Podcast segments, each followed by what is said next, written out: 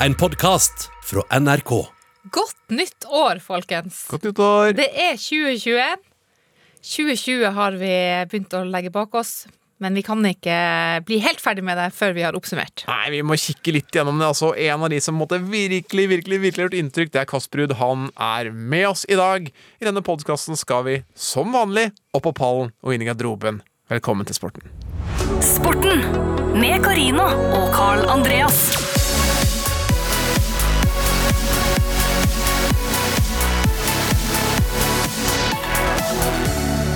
År som i fjor så heter jeg Karine Olsen. Det er jo helt rått. Det heter det samme, jeg og Karl Andreas. Hei! Jeg går jo og venter på å få et nytt navn, da. Som alle andre Og- damer gjør. Ja, for du vil Du venter du på frieri for Nei, å få vi må ta det på nytt. Nei, det må vi ikke! Må vi ikke? Hva slags navn vil du ha? Nei, Si hva slags navn du vil ha. nei, nei, nei, vi tar det på Ja, nytt. nei, kutt ut, da! Hva? Du heter jo Karina Olseth, du er jo kjent som det. Og hva er det du eventuelt blir, da, hvis eh, du, noen spør, osv.? Nei, det er jo bare, det er bare ett navn som er aktuelt her. Og det er Det er Hovda. Karina Hovda. Ja, altså, jeg har jo eh, på dette tidspunktet fått to barn som heter Jeg har det etternavnet. Jeg vil gjerne, veldig gjerne ha det, jeg òg. Ikke sant? Men da må noen må spørre om noe først. Noen må, må få ut fingeren. Ok, den er god! Da har vi fått lagt det. Men det jeg bare lurer på Føler jeg vi da kom, vi kom litt, litt, uh, litt ut uh, skjevt på hoppkanten. ja, men vet du hva? Det som er bra, at de beste hopperne, selv om de kommer skjevt ut på hoppkanten, så klarer de å dra med seg masse luft nedover der. Ja. Flyte, god flytestilling, og så setter de nedslag likevel. Så, så det er mulig å redde inn ethvert hopp. Det skal jeg klare i løpet av de neste minuttene her i podkasten. Og for de hopperne som da klarer å redde det, lande, nedslag, får, de får ikke 20 sil, men kanskje 19-19,5, da får de spørsmålet i bånn. Hva føler du nå? Hva føler du nå? Og det er en skandale! Det er fiasko! Og da kommer tårene! Hva føler du nå? Hva føler du nå, Karina? Jeg føler jo eh, en glede for at vi har et nytt år, eh, og jeg føler en forventning til at det her nye sportsåret skal bli bedre enn det forrige. Eh, fordi det var jo enorme forventninger til 2020. Vi skulle jo ha både EM og OL, og det skulle være friidrett, og det skulle være sykling. Altså, det skulle være et godt norsk idrettsår. Og så blir alt prega av covid-19. Nå kommer det snart en eh, vaksine som eh, folk skal få etter hvert. Jeg tror vi er ganske langt ned Ja, så på tar det lista. nok litt tid, òg. det har jo begynt å komme vaksiner og sånn, men det vil det ta tid før alle skal få, og Ja. hvor, lenge skal det, hvor lenge skal man være sikre på det ene og det andre. Så det, så det vil jo ta litt tid, men, men gikk på en måte hele, sånn sett med sportsøyne da, gikk hele 2020 rett eh, ned i Det gjorde DASS, det gjorde jo ikke det. Nei, det, gjorde, det, Det var veldig litt mye bra sjøl, sjøl om det ble uh, både prega og utsatt og ja, alt mulig av den der uh, koronaen, som Ja, man sier. ja, hva, hva, hva husker du? For meg så står jo Bodø-Glimt sitt, eh, sitt eh, seriegull veldig høyt. Og da vil jeg bare minne eh, deg der ute at det er altså en Tromsø-jente. Selv om du er ikke fra Tromsø, men du er Tromsø du heier på, og likevel så sier du det. Ja, altså, og, og i i en bisetning her så kan vi jo nevne at på den dagen eh, Bodø-Glimt vant, eh, avgjorde og vant det seriegullet, så røkka Tromsø opp igjen til Eliteserien. Så i 2021 så skal jo mitt Tromsø spille i Eliteserien igjen. Men måten Bodø-Glimt vant på i 2020, det var intet annet enn ekstremt imponerende. Noen andre ting som eh, har eh, virkelig gjort inntrykk på deg? Ja, fordi det var jo mye eh, greier gjennom sommeren. Eh, sånn usikkerhet. Får vi se noe idrett? Eh, Når eh, begynner fotballen? Blir det fotball? Når kommer de internasjonale seriene i gang? Men det som jeg liksom husker veldig godt, er jo eh, Bislett Games. Jeg trodde du skulle si færøysk fotball. Jeg. Nei da. Det, altså, det var gøy. Det var en gimmick fra TV 2 at de kjøpte de færøyske eh, rettighetene og begynte å sende det i fjor sommer. Men eh, Bislett Games var det første liksom, stevnet på TV eh, etter nedstengninga i, i mars. Og det her var jo ute i juni. Og da eh, det, det var så rart, men samtidig så var det så, det var så innmari godt å, å ha den der få den her vante eh, nordmenn med å skru på TV-en. Å, nå begynner, nå begynner det sport på TV-en. Nå kan jeg kose meg litt med Bislett Games. Eh, så, så jeg husker den kvelden veldig godt. Og så selvfølgelig husker jeg jo da alle gangene Karsten Warholm skulle springe utover sommeren. Og tar han rekorden nå? Tar han den? Kan han endelig klare det? Han klarte det jo ikke i det hele tatt i løpet av sommeren, men hver eneste gang så var det nok en god supertid, nok en supertid, og han, jo, han, var, jo, han var jo sinnssykt god eh, Altså, i fjor. Tenk så bortskjemte vi på en måte har blitt når alle de løpene han løp, var jo på en måte noen av de beste løpene som er løpt i verden. Ja, og likevel så var folk liksom litt sånn skuffa. Ja. Så, så for en sesong han har hatt. Men det som, det som jeg syns er så artig, er noe at eh, vi er på en måte like på mange måter, men allikevel så er det helt forskjellige ting som vi på en måte sitter igjen med etter husker? 2020. For for meg så er det liksom Det er to personer som virkelig, virkelig, virkelig har eh, gjort at 2020 ville være et år som jeg på en måte aldri kommer til å glemme. Og det ene er en herremann som heter Kasper Ruud, som eh, skal eh, være med oss eh, her i dag. Han vant altså sin første turnering på ATP-turen, vant i Argentina, Argentina Open. Og det, det hadde vi aldri gjort før. Ingen nordmann har vunnet en ATP-turnering. Og så tenkte vi wow, bra, liksom. Eller jeg var jo helt i fyr og flamme, men det fortsatte jo bare. Han kom til semifinalen i en Masters 1000-turnering, som er på en måte det nest høyeste nivået. Spiller mot Djokovic i semifinalen. Han ble ikke herja med. Det var en ganske jevn match. Eh, og så går han i semifinale uka etter i Hamburg. Han går til tredje runde på Roland Garros, gamle French Open. Spiller mot Dominic Thiem og taper. Altså, Kan det liksom bli større enn det her? Nei, det kunne egentlig ikke det. Men så kommer plutselig Viktor Hovland. Ikke sant? Og han, eh, det er jo ikke lenge siden han på en måte brøt en barriere som ingen hadde klart før, vinne på PGA-turen. Og så gjør han det i golf. Altså den sporten som på en måte alle andre driver med, på en måte. Og så vinner han jammen meg en turnering til. Han vinner eh, i Mexico, Mayacoba Golf Classic. Og da hadde jeg lyst til å Altså Det var nesten så jeg begynte på en måte å grine når, når han klarer det. Han gjør det på spektakulært vis. De spiller liksom litt under 300 slag, og det er på det aller siste slaget hvor han er litt sterkere enn de andre, setter den putten og vinner turneringa, og skaper det største øyeblikk for meg i 2020. Opp på pallen og inn i garderoben. Det her er sporten. Kasper Ruud har gitt eh, Karl Andreas eh, stor glede i året som gikk, og vi tror jo også at han kommer til å gi oss stor glede i året som kommer. Vi skal snakke med han og få vite en del ting om han som eh, kanskje folk flest ikke, ikke tenker. Ja, fytti grisen, han overrasker stort, altså. Det er litt seinere, men aller først så skal vi opp på pallen. Årets første pall. Og da har vi, siden vi faktisk har å gjøre med et stortalent som heter Kasper Ruud, så har vi valgt favorittalenter i vår levetid på Ja. årets første pall. Mesdames et messieurs, médaillés de bronze, Ladies and gentlemen, the bronze medalist. Og som alltid når vi har denne pallen, så, så liker jeg å påpeke i forkant at det her er noen svært personlige utgaver av pallen. For jeg føler veldig ofte at når jeg ser på det her, så jeg bare ja, ja, men jeg, så det, det er nok noen som ikke kommer til å ta det her seriøst. Men, men, men her er det jo ikke noe fasit heller. Hvis vi bare skulle tatt på måte, de tre beste på alle verdensrankinger alltid, så hadde det ikke blitt noe gøy heller. Overhodet ikke. Stol på de du har valgt, du også, Ja. får vi høre nå. Min bronse går til svenske Frida Karlsson. Frida Karlsson. Langrennsløperen Yndlingen. Hun slo igjennom i 2019 i, i C-felt-VM. Da gikk hun på stafettlaget, som da tok gull. Eh, Så tok hun sølv på 10 km. Det var bare Johaug som slo henne. Eh, Og så kom spikeren i kista, sånn gjennombruddsmessig, da hun var i Holmenkollen og gikk et oppløp mot Therese Johaug. Det er dagens skidronning Therese Johaug mot fremtidens skidronning Frida Karlsson vi ser nå. En på 31 år mot en på 20 år. Sverige mot Norge. Inn foran tomme tribuner. Frida Karlsson sitter nede. De er side om side, og det er helt jevnt. 50 meter igjen, og Frida Karlsson sklir forbi. Hun slår Therese Johaug i Johaugs egen lekegrind her i Holmenkollen Oslo. Tar sin første verdenscupseier for en opphenting, for en duell. Ja, Førsteårssenior er Frida Karlsson. Det er bare å lære seg navnet. Vi har jo lært oss navnet nå etter hvert. Det her var i 2020, i mars. Eh, Da kom den første verdenscupseieren til eh, Frida Karlsson. Det kommer flere. Det gjør det. Altså Helt rå dame. Jeg ble på en måte mest kjent med henne egentlig gjennom Landskampen på TV 2, og så på det sammen med barna mine. Altså Hun var helt sinnssyk der, og så vant alle konkurransene. Til slutt begynte barna mine å si 'Jeg gidder ikke å se på lenger, for maskinen vinner jo alt'.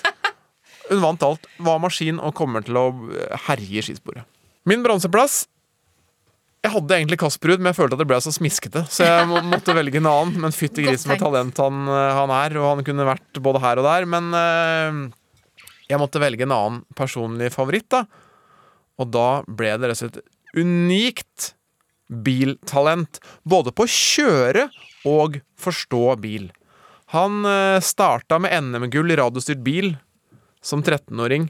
Han eh, er verdensmester i rally. Han er dobbelt verdensmester i rallycross. Petter Solberg. Altså, det er eh, en helt, helt, helt spesielt motorsporttalent som fortsatt på en måte, Nå har han jo lagt opp, men altså nå bygger biler, bygger team på en måte som egentlig ja, Kanskje bare Martin Skanke har vært i nærheten av før. Jeg syns det er så artig at man kan begynne med radiostyrt bil, og så, så er man automatisk god til å kjøre bil igjen. Ja, det er kanskje ikke det, da, men det er klart at når du er 13 år eh, Jeg, jeg vil gjette på at både Petter Solberg og Henning Solberg kjørte bil eh, på jordene i Spydeberg når de var 13 år. Absolutt. Men sånn offisielt så er det da radiostyrt bil du, du må kjøre. Og for å understreke det, Razor bil, det er jo dritgøy både for voksne og barn. Mesdames et messieurs, médaillé d'argent, Ladies and gentlemen, the silver medalist. Det begynner å bli noen år siden Martin 15 ble solgt fra Strømsgodset til Real Madrid. Jeg tenkte det, ja. Men fremdeles så har ikke jeg vært borti noe større talent, eh, noe større hype, noe større spenningsmoment. Altså, Martin Ødegaard, han ga håp og gnist til hele nasjonen da han eh, kom opp på stjernehimmelen eh, i eh, 2015. Og hvor deilig er det ikke at han på en måte har klart det? Ja! Han har klart det! Han er jo der nå i Real Madrid! Han er i startoppstillinga titt, som, eh, titt, titt og ofte, og, og han spiller Champions League for Real Madrid, liksom. Så deilig å høre når du sier Champions Ja, det er Champions League! Men her skal du føre noe som er enda deiligere. Servicio rápido, Martin Odegaard, la velocidad de Portu, sigue Lem Lumor, es muy rápido también el africano, Portu frena, encuentra a Martin Odegaard, puede llegar el gol, gol, gol, gol, gol, gol, gol, gol, gol, gol, del Danés, marca Odegaard, en una opción de Portu, velocidad, vértigo, de la Real Sociedad al contragolpe, que bien interpretó Leyo. Jeg skjønner ikke en dritt her. Men, Viva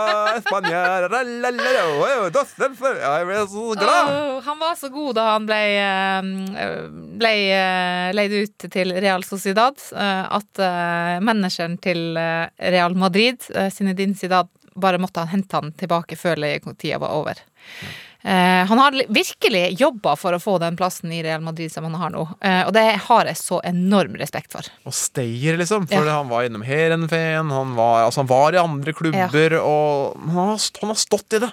Og klart det, med det ansvaret og med de forventningene. Det er rått.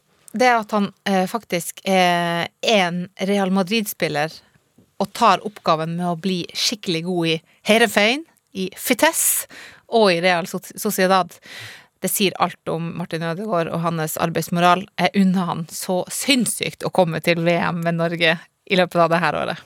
Deilig med norsk. Vi skal til min uh, sølv, og da skal vi starte med et ørlite lydklipp. To be a legend in a sport, you have to change it. You force the rest of the sport to become better because you exist. At jeg har så lyst til å gjenta det. Altså, han, altså, nå snakker vi med en fyr. Fordi han kom, fordi han besto, fordi han var der, så måtte sporten endre seg. For han var på et helt sinnssykt nivå. Vi snakker om Sean White. Han ble Ja. proff som 13-åring. Tre ganger olympisk mester har han blitt. Flest X Games-gull, flest OL-gull av en snowboarder. Sykt god på skateboard. Han inngikk sin første sp- sponsorkontrakt med Burton da han var sju år! Altså, maken til talent som på en måte også har endra en hel sport, det, ja, det ligner ingenting. Hey, what's up? I'm Sean White. I'm 13 years old. I'm from San Diego. I've been snowboarding for about six years. Is this enough from Sean White? It would be one of the most memorable, historic, legendary runs in snowboarding history. Once again, questions asked of Sean White. Has he answered them? Yes, he has! Sean White takes gold in Pyeongchang in the most emphatic fashion. Rett og slett en type som uh, pusha grenser, og som endra en hel sport. Sean White. Klar sølvplass på en av mine personlige favoritter. Mesdames et messieurs, médaillé d'or, Ladies and gentlemen, gold medalist. Michael Phelps. Han er god, ass. Han er god, ass! Han, eh, han er selvskreven øverst eh, på, eh, på lista, eh, fordi han, han er jo tidenes mest vinnende olympier. Eh, og, og det blir man ikke hvis man ikke er et sinnssykt talent. Eh, han har altså 28 olympiske medaljer, 23 av dem er gull. 13 er individuell. Han deltok i sitt første OL i 2000. Da ble han nummer fem. Det var i Sydney. Og så var han også med i, i Rio i eh, 2016. Da bærte han flagget for sitt USA. Han er altså tidenes beste svømmer. Han øh, vant jo på en måte Bare han gikk i vannet, så vant han jo. Ja, det, det kan du si. For kroppen hans er på veldig mange måter designa for svømming.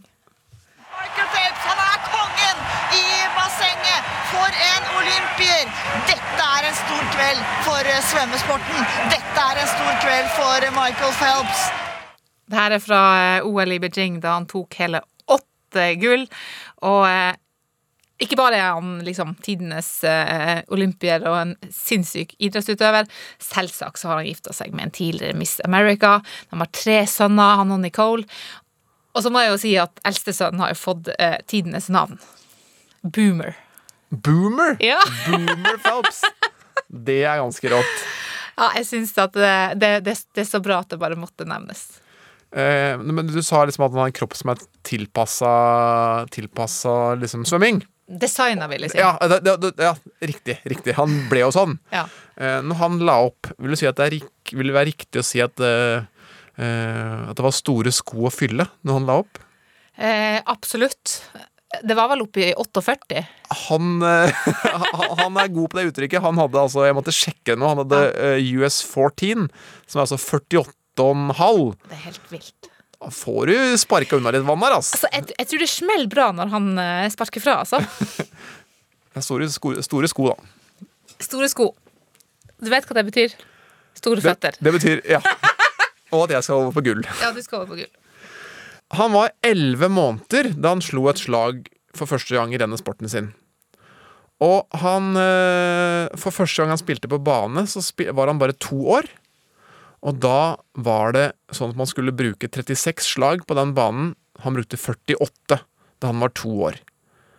Han vant ni- og tiårsklassene i sin sport da han var åtte år. Og han brøt liksom drømmegrensen på 70 slag. Da var han bare 12. Han ble proff som 20-åring. Under ett år senere så var han verdensener. Allerede, allerede vant en major, så jeg snakker selvfølgelig om Tiger Woods, eller som han egentlig Ja. heter, Eldrick Tont Woods. Det smeller bedre med Tiger. Altså, for en type. Han hadde altså noen fantastiske år. Eh, herja er en, på en måte en legende, vant alt. Og så kom det en del vonde år, rett og slett. Eh, slet litt sånn eh, Rota seg bort til noen prostituerte, ble skilt. Eh, bare tull og ball. Og de fleste trodde vel at karrieren antageligvis var over. Helt til i fjor, eller nå blir det enda litt til, da blir det nesten, nesten to år. Da skulle det spilles den største turneringen det året, som heter Masters. This is the minute the millions around the world have waited for. Waited for years. Many doubted we'd ever see it. But here it is. The return to glory.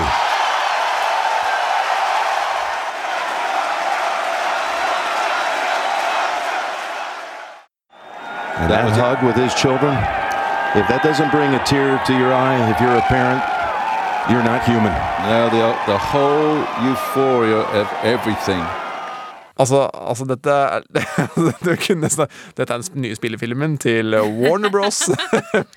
altså, det er bare Han kom Altså, 2019 Masters Golf, en av de største turneringene. Han kommer tilbake, han vinner den. Barna har blitt så store at de kan se han som golfspilleren som vant, og ikke bare på en måte den som har rota seg bort i prostituerte og tull og ball. Eh, han, han har nå totalt 15 uh, major-seiere mot Jack Nicholas som har 18. Han er fortsatt med! Altså Det er, det er så bra. Det er så bra, og, og, og det, det kommer til å bli en spillefilm, og en eller annen dag Tiger Woods Kanskje, kanskje den aller største noensinne, og et talent uh, uten like, omtrent. Jeg skal se den filmen. Ja, den skal jeg faktisk se, og al- altså Jeg er egentlig veldig glad for at jeg er norsk, altså, men når du hører de amerikanske kommentatorene, stemmen de bruker, Ja. eh, ordene de bruker Fy fader, ass. Helt rått, da. Jeg får frysninger, jeg òg. Faktisk. av golf. Endelig! Frysninger på Karina Olsen. Beklager, Karina Hovda. Nei! Jeg visste jeg skulle aldri Jeg skulle aldri ha gått der. Det føles godt å, å ha unnagjort årets første pall. Nytt år, nye muligheter. Og nå så skal vi altså snakke om en som vi har store forventninger til uh, det her eh, kommende året. Ja, og akkurat nå så driver Kasper Ruud og lader opp til eh, året som kommer. Australian Open er den største og første viktige store turneringen. Vi fikk eh, snakke med han før han eh, dro til eh, Australia. før jul så stakk han Han stakk ikke innom, for han var jo nemlig i karantene, men eh, han var med oss på skjerm. Og han delte. Han leverte. Altså, han kan mer enn å spille tennis, det er det ingen tvil om. Sporten med Karina og Carl Andreas.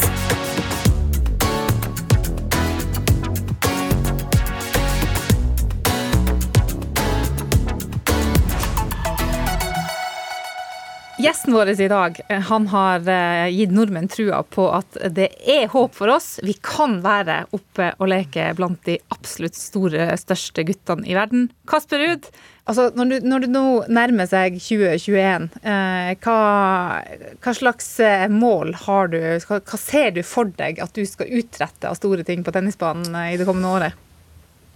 Man håper jo på si, gull og grønne skoger, at det bare blir eh, fryd og gammen. Men eh, det er nok altså det, er, jo litt sånn man kanskje glemmer litt, som jeg også på en måte eh, kan fort glemme, er at jo, liksom, jo høyere opp man kommer, jo tøffere blir det jo. Så det blir jo på en måte, konkurransen blir jo bare høyere og høyere høyere. Så det er ikke noe sånn gitt at det bare skal gå videre, og at man skal gå, ta, de ta nye steg og klatre videre på rankingen. Selvfølgelig er det målet og drømmen, men man må jo også på en måte regne med eller forvente at det kan, det kan bli en liten stopp, eller det kan bli en periode der man ikke har den samme utviklingen jeg kanskje har hatt de siste to-tre årene, da, eh, med tanke på ranking. fordi at eh, nå er jeg jo nummer eh, 27 på rankingen, og for tre år siden så var jeg kanskje nummer 250 eller et eller annet, så det er jo ikke en sånn jeg har, jo ikke, jeg har ikke 230 plasser til å klatre opp.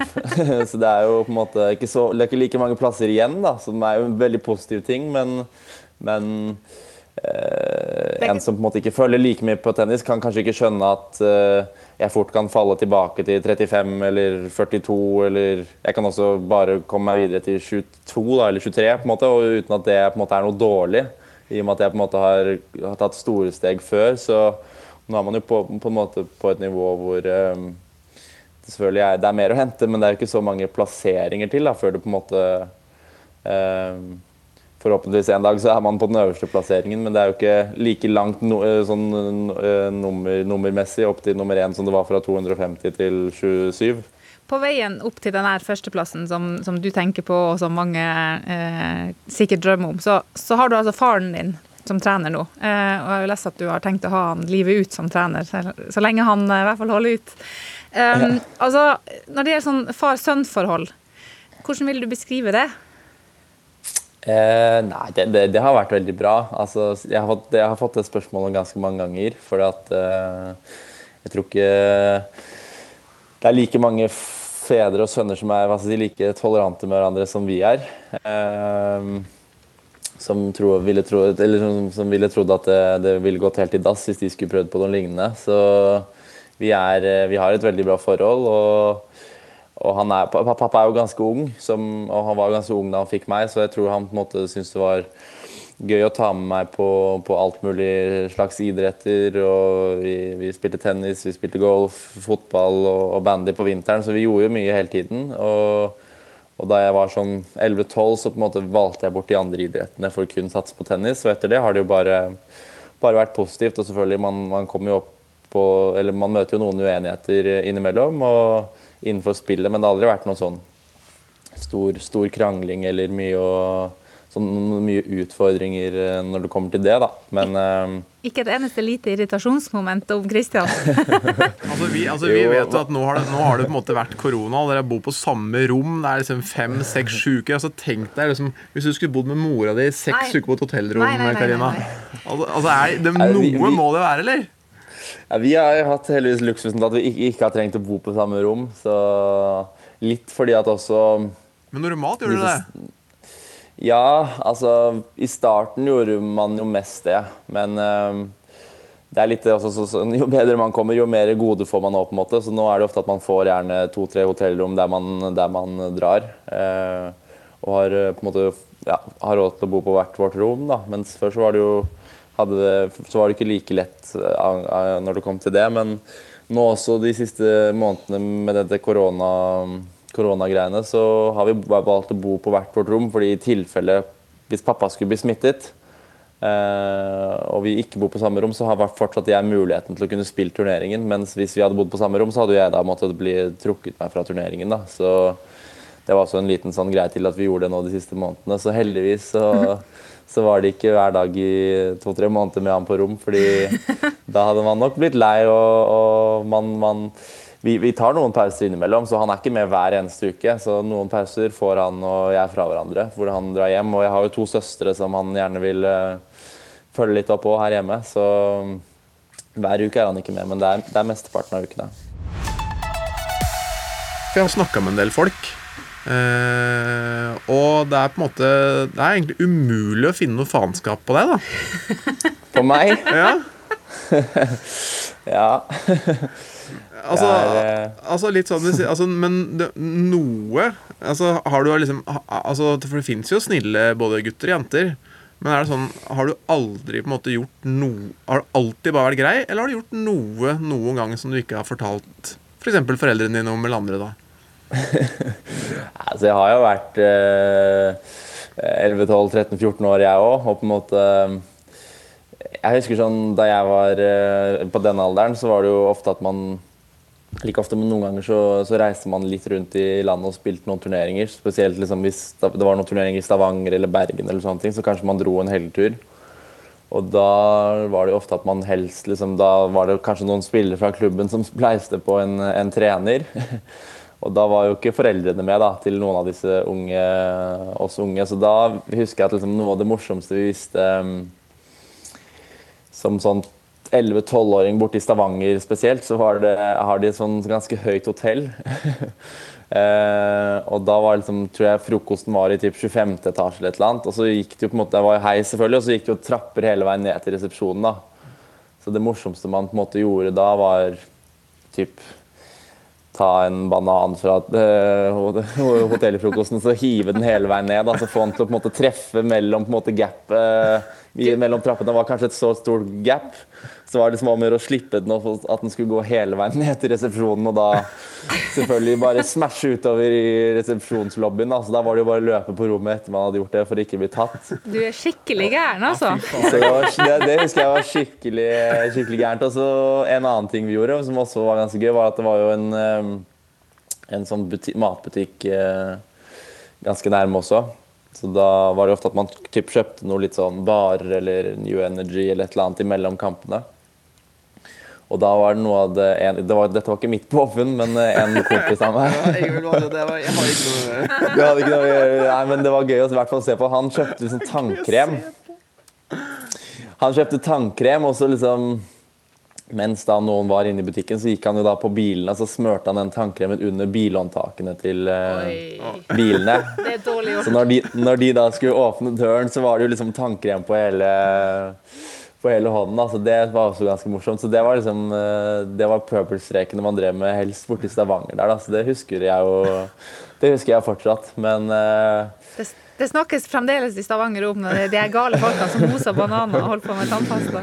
ja, jeg syns synd på de som jobbet i resepsjonen på det, det hotellet i de, de helgene. Men du er en ryddig fyr da, som drar til andre siden av landet for å finne på noe kødd, liksom.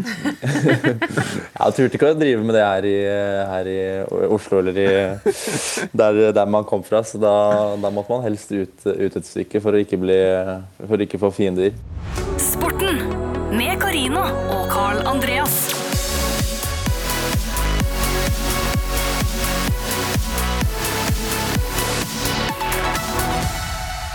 Nå har du jo flytta for deg selv og egen leilighet, sånn, så eh, da må du, er det jo mange litt sånn kjedelige voksenting som følger med, med med regninger og forsikringer og pensjon og Hvordan er du på disse tingene her? Jeg har vært så smart at jeg har ansatt min mor som eh, jobber for meg, så hun tar, av, tar seg av alt det kjedelige greiene og papirarbeidet. Så det, det må du spørre henne om i så fall. Men eh, Vet du hva KID-nummeret er? Har du betalt en regning noen gang?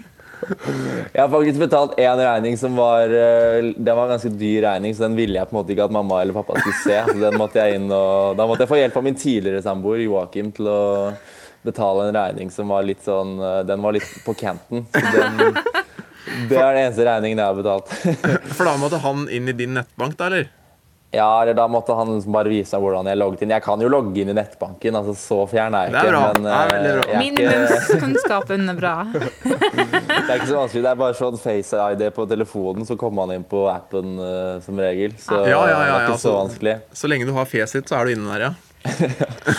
Så Men eh, Nei, jeg, jeg kan eh, Jeg kan vel gjøre det, men det er bare at jeg eh, ikke gidder å bruke kreftene mine på det. Du skal Han er er toppidrettsutøver. skal tross alt bli verdensener, så da, da kaster vi ikke bort tida. Altså, Jeg vil heller ha Kasper som nummer 27 i verden, eh, og at noen andre betaler regningene, enn at han er 120 og betaler regninger sjøl. Vi, vi støtter deg fullt ut.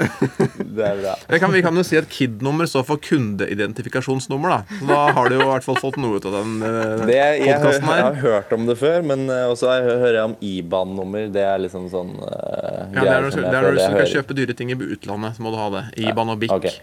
Ja, Men du kan jo si til moren din at det er sikkert smart å spare til pensjon. da Det kan du jo ta med opp, ta opp med noe. Pensjon, altså- ja. Det, det, du, bare, det er bare du som er over 40 her, så det, vi, vi, vi trenger ikke å bry oss om det, Kasper. Nei. Ikke ennå. Pensjon, pensjon er det kjedelige. Det begynner man når man er 40, er det ikke det? Ja, vi sier det sånn. Det er riktig. Men eh, det er jo sånn at um, vi har vært på jakt etter litt sånn uh, spisskompetanse som du har. Vi vet jo at du er jækla god på tennisbanen, men uh, uh, du har et skjult talent som veldig mange nevner. Altså det, var til, okay. det var overraskende Ja, Det var overraskende for meg, til og med. Og jeg følte at jeg kan liksom ganske mye om det. Men akkurat dette visste jeg ikke, faktisk. Hva, vil du gjette okay. på hva det, kan, hva det kan være? Så mange har sagt. Hvor mange har dere ringt, da? Du aner ikke. Nei, Vi har snakka med litt folk, da. Jeg tror vi skal eh, Mens du tenker om, så det er et klipp vi kan finne fram her, eh, hvor vi kan spille av noe eh, som gir et hint, hvis du ikke på en måte klarer å komme på noe. Hun ligger bare hemma på sofaen hela jævla dagen. Fy faen, Alex. Tror du virkelig at jeg har lyst til å ligge på sofaen hele dagen og spise smågodt og se på girls, mens du liksom Dette er da fra Parterapi på NRK, og eh, fy faen, Kasper. Vi har hørt at du er ganske god på å parodiere. Det er ikke du. Få høre på deg, Kasper. Uff, nei, altså sånn men, men, det nå, starter vi, nå starter vi. Hvem er på en måte favorittkarakteren her, da? Det er mange. altså sånn, Jeg har alltid vært litt sånn fascinert av eh, dialekter og, og, og språk og aksenter og sånne ting. Da. Som jeg nevnte, liksom med australsk eh, aksent syns jeg er gøy. Og når han Kevin um, i parterapi etterligner han uh, hva han heter, Shell Simen Hvordan høres han ut igjen? Jeg husker ikke helt. Han som hele tiden sier sånn Skal jeg steke litt av vafler til deg, Britlen? Så han syns jeg er ganske morsom, så han liker jeg ofte å etterligne litt når jeg er i hvert fall med familie. Og jeg er ikke så glad i å etterligne, merker jeg, på, på kamera, men um, Nei, det blir ikke filma, dette her. Men, eh, men eh, nei, jeg syns det er gøy. Det, Hvilke- det, Så det er mange typer i det tennissirkuset også. Det er en fra Østerrike som du tapte mot i French Open. Du trenger jo ikke å nevne navnet her, men hvis han skulle dratt til eh, butikken, to the grocery store, hva, hva ville han sagt da? Mm, han ville nok sagt noe litt mer som No, I'm so happy because I'm uh, Now I'm in the grocery store in Austria and it's, it's unbelievable. Men har ikke han også litt sånn spesielt språk når han spiller? Er det ikke noe lyd av han, det? Han lager noen lyder, men det, de er ganske intense, så de tror jeg ikke jeg klarer å dra på kommando. Men eh, Jeg vet at Så- Du har jo veldig respekt for uh, Rafael Nadal, som på en måte er en av de aller aller, aller største. Og du trener jo på hans akademi og på Mallorca også. Men han Mm. må jo også innimellom på grocery store. hvis man har sett på intervjuet med han, så tar han alltid øyenbrynet sitt veldig opp, og så Well, we are, we are here now. We are, we are in, the, in the grocery store. It's unbelievable. Vi gleder oss, da gleder vi oss til neste Altså, episode, og Kasper skal øvne opp enda mer av det her. Det blir helt eh, rått. da Eh, Jeg lurte på en ting. Sånn, nå er vi, jo litt utenfor tennisbanen her. Eh, på interesse for tennis jeg elsker du selvfølgelig. Eh, og sport elsker du. Men eh, Så jeg fikk liksom laget en sånn liste på Jeg skulle summere opp hva Kasper Ruud elsker. Mm. klokker, raske biler. Og så skulle man kanskje tro at det kom damer her etterpå, men det gjør det ikke, for det går med Mexican Fiesta Chips. Det digger du. Jeg skal vise deg en ting. Apropos Du kødder. rent i stuen. Har, har du hatt potetgull til, det sånn. til frokost? Nei, det var fra i går kveld. Men jeg bare ikke ryddet inn i skapet. Nei, Så den, det er et den posen føler jeg beviser på alt, alt vi har snakka om i dag. Nei, den, den blir nok knasket litt her i kveld òg, så det er ikke noe vits å legge den inn i skapet for å så ta den ut igjen. Men den, den, eh, det blir noen sånne poser i løpet av et år, eller? Ja, altså ikke så mye som det ville vært hvis jeg hadde bodd hjemme. Men uh, de gangene jeg først kommer hjem, så er det jo klart at den, den er savnet litt ute på tur. Så, men man må ikke spise for mye av den heller, for da blir man litt lei. Det er, litt sånn, det er en sånn fine touch over hvor, uh, hvor mye man kan spise av den. Men når, men når du har vært ute lenge uh, på tur, mange måneder, og kommer hjem igjen og får lov til å liksom unne litt, da, hva, kjøper du i butikken da når du skal crave litt, liksom? Og Da har vi skjønt at Mexican Fiesta er den ene tingen. Mexican Fiesta er ganske sånn standard, men jeg er egentlig veldig glad i bakst. Um, og helst liksom Ja, hva skal jeg si Cookies, eh, donuts Nå er det jo ferske smultringer i butikken, så Ja, det er det jo er veldig farlig for meg. Det er jo helt latterlig godt. Du elsker bakst, Karina. Ja. Jeg elsker det også. Og du, Kasper. Men jeg vet én ting som du elsker, som du bare får tak i rundt jul. Som jeg er ganske sikker på at Karina ikke spiser i hvert fall så mye av som deg. For jeg tror ikke det er tenkt å spises på den måten som det spises. Hva er det jeg tenker på, Kasper? Det er nok noe som er veldig sånn julekaker, men som jeg spiser helst før det er stekt. Det er riktig. Kan du gjette på hva det er, Karina? Det er ikke pepperkakedeig. Jo. Kasper får sånne bokser med pepperkaker. Ja, for du får fortelle selv. Ja, akkurat nå så har jeg ikke det her hjemme i leiligheten. For at det er nok Jeg merker nok at det kanskje vokser litt av meg jo eldre man blir, men da jeg var, sånn, da jeg var yngre, for helst ja, Altså, det er et ett- et, et, et, eller to år siden, liksom. Ja, kanskje ett eller ett år siden så så faktisk så dro jeg på ferie til eh, noen sånn øyer i Karibien med, med kjæresten min, og da hadde jeg med en pepperkakedeigboks eh, fra Norge Som i bagasjen. Som liksom Ja, litt sånn kos på kvelden, da. Så koser meg litt her med litt deig. Ja, men da, da faktisk på den turen så merket jeg at jeg, da hadde jeg ikke så lyst på det. fordi at det er en ting Når man er i varme nå, så craver man liksom ikke like mye som når man er her hjemme og man er inne og sitter ja, foran peisen og det er kaldt ute. Så craver man litt mer et eller annet eh, søtt å spise på. Men der var det veldig varmt. Det var sånn 30 grader, så det var liksom ikke så fristende å dra opp en pepperkakedeig i 30 grader på solsengen. Så jeg tror kanskje at jeg mistet litt den pepperkakedeiggnisten akkurat på den turen. For at jeg har spist litt i år, men det er liksom ikke like godt som det har vært før. Nei. Jeg, altså, jeg, jeg, jeg har full forståelse for den, for at eh, altså, når jeg baker pepperkaker, så, så går det jo ned deig. Altså, man Ja, spiser ja. jo, men, men det er ikke sånn at jeg kjøper deigen for å spise deigen. For å smake er én ting, men når, eh, men når eh, jeg skulle ned på reportasjereise til Mallorca til med, for å lage saker på Kasper, da måtte jeg altså kjøpe med Og det er vel to kilo en sånn boks, eller? Ja, jeg tror kanskje det er én. Jeg vet ikke om det er Ja, det to, men to, den er ganske tung. tungt, Det er ganske ganske Og det er mye å spise, det. Sitt det spørsmålet, du. Du, Kalla, når du kommer ned der, eh, skal, kunne du tatt med et par kilo pepperkaker? Sitter det spørsmålet langt inne, Jeg tror du det kom via manager, faktisk. Det er enda bedre. Pepperkakedeig og brunost var det vel. Han måtte ta med seg ned. Så Ja, for brunost, det, det kan du jo for, det er, liksom, er det et pålegg du har med deg overalt, uansett hvor du er? Nei, nei, ikke i det hele tatt. Det er øhm, Det er helst det at det, nei, det spiser jeg mest når jeg kommer hjem. Så, men akkurat da vi var på Mallorca, så var det jo litt lettere, for man hadde jo kjøleskap og sånne ting. da, Så det er ikke så lett når jeg reiser øh, Hvis jeg reiser for eksempel langt, da, så har jeg jo ikke tilgang på kjøleskap på en del timer. Så det er jo på en måte Da kan jo den brunosten bli, bli til prim. Så det er, Det er ikke så litt- digg å ha det smøret utover bagen. Det jeg holder med deg i. Prim er ikke like digg som brunost, i hvert fall. På ingen måte. Nei, det er jeg enig i. Hva du tror Nei, men det- Det er jo helt utrolig artig at du kunne ta Nå fikk vi litt pepperkake her. Vi fikk litt chipsreklame, og vi fikk eh, litt eh, deilig her, vi har litt, litt av parodiering. alt her, føler jeg. Jeg tenkte vi skulle, hvis vi da nå på en måte skal, At du skal få takke av deg selv, på en måte. Nå er jeg veldig grei, så du kan få ta uh, valgfri karakter i parterapi. Ja, altså Fy faen, Karl Andreas. Du aner ikke hvordan det føles å være på podkast og sånne der ting. Det har vært jævlig rolig og sånne der ting, så jeg ville bare takke deg. Og så må jeg ut og trene litt, for at um, Alex gidder ikke å handle. Og Nei da. Det, har vært veldig hyggelig å ha med. Det var helt rått, da. Helt rått levert.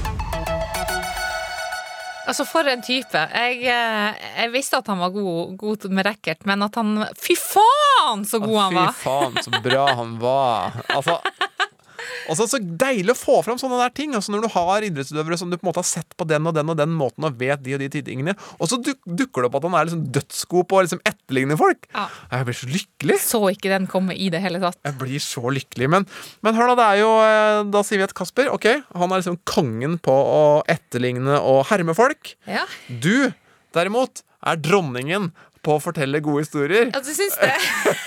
Og derfor skal du få starte år 2021 med en god historie. Det er så deilig å liksom legge lista der. Ja. Eh, men eh, det var jo sånn at når eh, vi forberedte oss til å lage denne episoden, så så, så vi jo og lette etter, etter talenter. Og det er jo så mange talenter at man må, vi måtte jo begrense oss til liksom i nå, vår nåværende levetid. Eh, men eh, jeg har altså da eh, på denne veien fram til denne episoden eh, funnet ut at verdens kanskje aller, aller største idrettstalent gjennom tidene har norske røtter. Og da mener jeg eh, norske røtter som i norske foreldre. Eh, hun representerte aldri Norge, dessverre. Eh, for det burde jo vært statue av, av henne over hele Norge, spør du meg. Oh, jeg gjetter og gjetter gjetter, gjetter, gjetter Ja. og er ikke helt sikker. Fortsett. Hennes eh, fulle navn eh, var Mildred Ella Didrikson. Oi. Har du hørt om henne? Eh, jeg, jeg, har ikke, jeg har ikke klart å gjette det. Nei. Hun er altså mest kjent som Babe Didriksen. Uh, hun ble født i, i 1911 i Texas. Da hadde foreldrene og søsknene flytta fra Norge til Texas. Um, så, så søsknene er født i Norge, uh, ergo Da er hun norsk, på en måte. Hun er jo norsk. Men uh, som barn da, så slo hun fem homeruns i en kamp, og etter det så ble hun da kalt for Babe. Eh, I 1932 så hadde hun her eh, markert seg da i basketball, softball, eh, men fordi at det skulle være OL i LA det året der, så bestemte hun seg for at jeg skal gjøre friidrett. Så hun begynte med friidrett, da. Oh, shit, du finte med alle retninger, for da tenkte jeg plutselig på Babe Ruth, men det er jo en mann, ikke sant? Ja, fordi at hun fikk jo kallenavnet på grunn av Babe Ruth. Eh, eh, også fordi at hun slo de fem, fem eh, homerunsene. Ja, for han, det var en legendarisk baseballspiller Ja. for 1000 år siden. Ja, det her, det her er jo langt tilbake i tid. Det er tidlig på 1900-tallet. Så vi, vi er jo, det er jo langt Det her visste jeg ingenting om. Men i, i eh, 1932, da, sommeren før eh, OL skulle starte, så eh, skulle hun prøve å kvalifisere seg. Og da deltok hun i åtte øvelser i friidrett i løpet av tre timer på én dag. Og da vant hun altså seks av de åtte konkurransene. Og kvalifiserte seg da til OL for fem øvelser, for at hun fikk ikke lov til altså det, er en viss begrensning her i hvor mye hun Du får bare være med i fem øvelser. Altså, hun, hun kvalifiserte seg for fem, men hun fikk bare delta i tre. Ja. Så det var liksom sånn eh, Du kan være god i åtte, du kan være god i så mye du vil, men du får bare delta i tre. Og da valgte hun altså spyd, 80 meter hekk og høyde. Men, Kar men Karina, Ja. nå må jeg få vite navnet her! Jeg har jo sagt det! Hæ? Jeg har ikke fått med meg ennå! Jeg sa Mildred Ella Didriksen, sa jeg Er det navnet? Og så blir hun kalt- og etter ennå. at hun slo uh, at hun, Etter at hun slo de fem homerunsene, så kalte de henne for Babe. Babe, ja. Babe Didrikson. Hun uh, valgte altså tre uh, øvelser å delta i i LA Ja, i 1932. med. 1932. Nå er jeg med. Ja. Spyd, 80 meter hekk og høyde. Hun vant de to første, og så tok hun sølv på, på høyden. Mm. Eh, men det, som, det, det stopper jo ikke der. Fordi at eh, når hun liksom har på en måte runda OL og friidrett, så tenkte hun nei, jeg skal bli golfspiller. Hun vant 13 turneringer på rad, til sammen 41 seire i LPGA. Oi. Det er helt amazing. Tenk at jeg ikke har hørt om hun her. Ja, det er helt sinnssykt. Jeg jeg også ble bare sånn, er det her sant? Og så måtte jeg inn på sånn olympisk nettside bare, ok, det, det her er for real, liksom. Eh, så døde hun når hun var bare 45 år. Eh, da var hun renka som nummer én i verden i golf. Og i eh, USA så er det jo en meget høythengende pris som Associated Press eh, gir ut, som da heter Female Athlete of the Year. Den vant hun altså i 32, i 45, i 46, i 47, i 50, 54. Det er jo helt sinnssykt. Og i 1999 så ble hun GOAT. Og det vet du hva det betyr. Ja, altså det, jeg vet jo Det vet jeg litt fordi at eh, det var det de snakka om når Cristiano Ronaldo fikk et sånt, begynte å gå med sånn skjegg Ja. som bare på haka. At den liksom var liksom, sånn geiteskjegg. For goat betyr vel at han blir regnet som den beste noensinne, ikke sant? Greatest of all time. Ja. Eh, det er jo ikke betinga til kjønn, men eh, hun eh, Babe Didriksen ble altså kåra til greatest, greatest female athlete of the 20th century. Fy faen. Og så er det egentlig norsk. Og så er hun egentlig norsk. Vet du hvor Er det fra Gjøvik, eller? Nei, det, det tviler jeg på. Men eh, du skal jo snart uh, få en, en eh, datter, og, og Jeg lurer på å kalle henne for Mildred eller Babe. Jeg tenkte på Babe, ja. Du tenkte på Babe, ja? Ja. Kanskje det kunne vært noen ting? Jeg lurer på om hun, hun kanskje trenger litt mer enn eh, navnet og Og, og eh, en, et godt spark i ræva fra mora. Jeg tror ikke hun får, så- får så mye gener at hun kan bli god i golf, altså. Altså, nå, og nå bor jo du på en måte på Hønefoss, Babe fra Hønefoss. eh.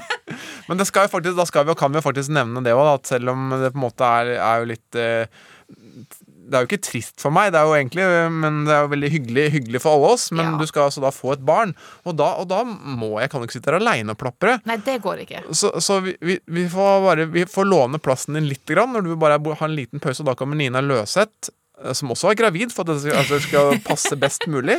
Og komme inn for deg noen få uker mens du eh, passer på barnet ditt, og så kommer du tilbake igjen. Ja, altså, som jeg har sagt tidligere, eh, du er en meget modig mann som tør eh, å, å jobbe så tett med to eh, høygravide damer. Eh, Men Nina Løseth, topp dame. Hun leverer også på flere arenaer enn når hun kjører fort nedover i en skibakke, altså. Ja, Det kommer til å bli kjempebra, altså, men hun kommer til å få en tøff utfordring her. For nå hører jeg at Karina er jo så eh, rutinert på den podkastingen her nå at uh, på starten av den gode historien så sa du sånn 'Pod den her veien'. At du legger inn liksom podden i dine egne setninger. Da har du lagd en del episoder, altså. Det her var en god start på 2021.